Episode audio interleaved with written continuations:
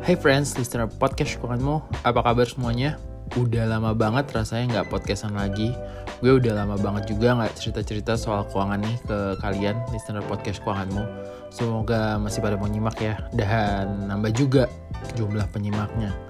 Anyway, sebelum masuk ke topik pembicaraan, gue mau cerita kalau podcast keuanganmu sekarang juga hadir dalam bentuk website. Iya, yeah, kita baru website nih friends. Visit dong di www.keuanganmu.com. Di situ ada kumpulan artikel keuangan yang bisa kalian baca karena keuanganmu mempunyai visi untuk meliterasikan dan menginklusi 140 juta generasi millennials dan centennials di Indonesia. So, kita akan hadir dalam seluruh cara dalam menjalankan misi itu. Dalam bentuk bacaan, audio, visual, dan bahkan ke depannya teman-teman listener podcast keuanganmu bisa nanya-nanya nih, ngobrol-ngobrol seputar keuangan, so soal ngatur ya, soal nanya investasi, atau gimana cara hidup berkecukupan secara materi selain dengan bersyukur aja. Nanti kita announce ya kapan teman-teman udah bisa mulai bertanya-tanya. So, topik pembahasan kita di podcast keuangan episode ke-24 adalah 4 mindset dalam berinvestasi. Langsung aja kita mulai pembahasannya. Listen up. Karena maraknya penipuan berkedok investasi, gue sendiri cukup cemas dalam menyikapinya. Kalau kata Pak Gemma Guryadi, sepanjang 2 tahun terakhir, since COVID-19 came to Indonesia, seenggaknya ada 5 praktek dugaan penipuan investasi. Mulai dari dugaan penipuan binary option, mulai dari penipuan dugaan pom-pom saham, forex future pakai robot yang paling famous tuh sejauh ini Sunton Capital, ngabisin korban kita 250 miliar, terus penip, dugaan penipuan oleh forex future pakai copy trade dan dugaan penipuan investasi kripto.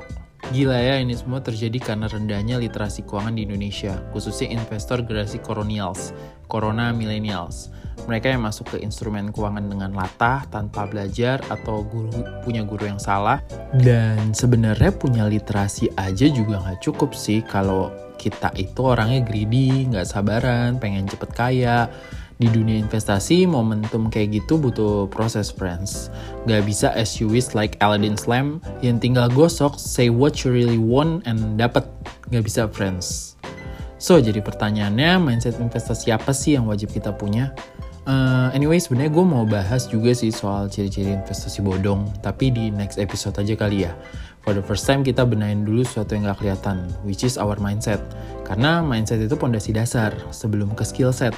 Skill set kalian bagus tapi mindsetnya jelek percuma juga. Gak akan punya omset bagus. Jadi uang yang udah kalian dapetin dari hasil investasi itu bakal kebuang sia-sia. So mindset apa sih yang benar jadi dalam berinvestasi? Yang pertama tentuin dulu tujuan kita berinvestasi itu buat apa. Gue banyak banget nemuin teman-teman gue yang cerita mereka udah mulai investasi saham, investasi reksadana juga, terus investasi kripto, masuk properti ada, emas apalagi. Uh, banyak tuh jumlahnya kayak saham sama reksadana. Tapi yang awalnya gue pikir that's good, teman-teman gue paham yang namanya diversifikasi, memitigasi risiko kerugian. Tapi pas balik lagi gue tanya, lu invest di saham, di reksadana, di kripto, di emas, properti buat apa ya? Jawaban mereka rata-rata ya pengen kaya, muterin duit bro. Nambah income. Oke okay, blur. Semuanya blur. Mungkin buat teman-teman ini kayaknya klise ya. Tapi ketika kita nggak tahu tujuan kita berinvestasi, uang kita justru nggak akan berkembang semaksimal ketika kita punya target yang terarah. Contoh, gue invest di reksadana untuk biaya pensiun gue, di saham untuk nyari modal untuk buat bisnis, dan di kripto untuk mindahin sebagian uang real ke koin. Nah, buat apa mindahin? Because I believe crypto is the new currency for the future. As simple as that. Uh, gue nggak cerita spesifiknya di sini untuk target persenannya yang harus gue achieve, Cuma maksud gue kita harus punya tujuan yang spesifik dan terarah dulu supaya investasi kita bisa maksimal.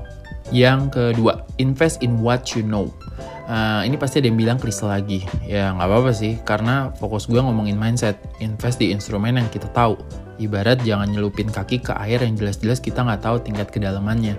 Sama di investasi juga, jangan masuk ke dalam instrumen tersebut kalau nggak mau dalam tanda kutip kita ngerasa dirugikan pelajarin dulu, ketahui dulu profil resiko kita. Kita itu konservatif, moderat, or agresif. Abis itu baru belajar instrumen investasi apa yang cocok untuk profil resiko konservatif. Biasanya instrumen investasi itu kayak deposito, reksadana pasar uang, emas. Nah, belajar dulu deh di tiga itu or salah satunya. Baru abis itu naruh uang buat diinvest di sana. Belajarnya di mana ya banyak, ada di YouTube, di artikel yang kalian bisa browsing, di workshop, ikut kelas. Jangan batasin diri bilang nggak bisa, nggak tahu, susah, bingung mulai dari mana, tapi kalau dan kata-kata mental block lainnya. Tenang friends, profil resiko kita itu bisa berubah seiring bertambahnya pengetahuan dan kemampuan kita. Gue juga pertama kali belajar investasi di emas batangan, sebelum akhirnya nyampe ke instrumen investasi yang agresif banget, kayak cryptocurrency. Jadi banyak belajar aja. Karena kalau kita langsung lompat ke instrumen investasi yang agresif kayak kripto, saham, sedangkan kita belum ngerti, terus di sisi lain profil risiko kita konservatif, entar ngeliat warna merah sedikit langsung panik and auto sell lagi. Paham ya? Kecuali kita emang punya profil risiko agresif, meskipun pemula dalam instrumen investasi apa pun, ya nggak apa-apa, digas saja ke instrumen investasi yang agresif itu. Yang ketiga, bersabar. Friends, ini faktor yang gak kalah penting, uh, bersabar Warren Buffett aja pernah bilang uh, pasar saham itu adalah tempat mindahin uang orang yang gak sabaran jadi sabar. Gak ada namanya kaya dalam semalam kecuali kita nikah sama kakek-kakek or nenek-nenek yang tajir melintir dan kondisi kesehatannya koma. Seketika akta nikah jadi, sehabis doi dead, kita jadi kaya dalam semalam. Sabar friends, kalian aja sabar nunggu dia yang belum jelas kepastiannya. So di investasi juga bisa dong. Ingat ya, punya skill set oke okay aja kalau mindsetnya kurang percuma. Hmm, gini, gue ceritain sedikit data dari buah kesabaran. Di bulan Mei tahun 2010, kalau kita punya saham BBCA, Bank BCA ya, yang kita beli di harga waktu itu per lembarnya 500 5.950 rupiah atau satu lotnya 590.500 rupiah saham tersebut terus kalian simpen selama 10 tahun sampai tahun 2020 harga saham yang kita beli di harga 5.950 itu tadi naik sebesar 515,5 persen. Ya contohnya aja kalau misalnya kita nyimpen uang 10 juta kita beli di saham itu, terus kita nggak ngapa-ngapain, kita diemin, tiba-tiba pas kita buka lagi 10 tahun kemudian, uang dari 10 juta itu jadi 51,55. Wow, Mantap ya. Terus keuntungan tersebut belum termasuk pembagian dividen dalam arti kata tuh keuntungan perusahaan, keuntungan Bank BCA. Wow, berapa besar deh tuh kalau di total semuanya. Makanya kuncinya sabar. Dan yang keempat, investasi itu adalah suatu kewajiban, bukan keinginan. Friends, kita nggak selamanya hidup dan berada di usia produktif Sedangkan kebutuhan hidup, keinginan, inflasi, dan dalam tanda kutip terus menggerogoti keuangan dan kesehatan kita. So kita butuh leverage, kita butuh kendaraan untuk mencapai semua kebutuhan itu.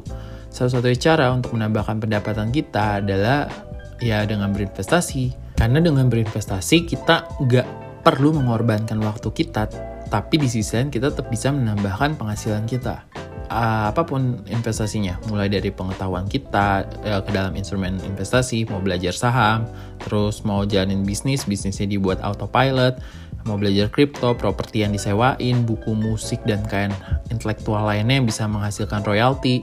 Jadi kita harus tanemin tuh ke diri kita kalau investasi itu adalah kewajiban, bukan nanti kalau udah kaya atau kalau udah butuh. No salah besar. Sedini mungkin kita harus berinvestasi. Itu mindset yang benar. So, itu sedikit pembahasannya soal mindset-mindset dasar sebelum or saat berinvestasi. Anyway, kalau ada yang kurang atau mau dibahas, langsung aja follow Instagram keuanganmu di @keuanganmuofficial. Kita akan jawab pertanyaan kamu dan semoga apa yang gue sampaikan di podcast episode kali ini bermanfaat. Dan seperti biasa, ditunggu pertanyaan-pertanyaan kalian yang perlu kita bantu selesaikan. Feel free alias bebas nanya. Jangan lupa juga follow Instagramnya. Di sana kita bakal sharing topik-topik seputar keuangan pribadi dan keluarga. Dan dengerin terus episode terbaru dari podcast keuanganmu setiap Senin jam 8 malam di Spotify, Apple Podcast, Google Podcast, dan platform digital lainnya. Oh, jangan lupa juga kunjungin website keuanganmu di www.keuanganmu.com. Di sana kita update juga artikel-artikel seputar pengelolaan keuangan pribadi, investasi, self improvement, ya pokoknya seputar keuangan deh pokoknya. Dan akhirnya semoga bermanfaat dan sampai jumpa di episode berikutnya. See ya!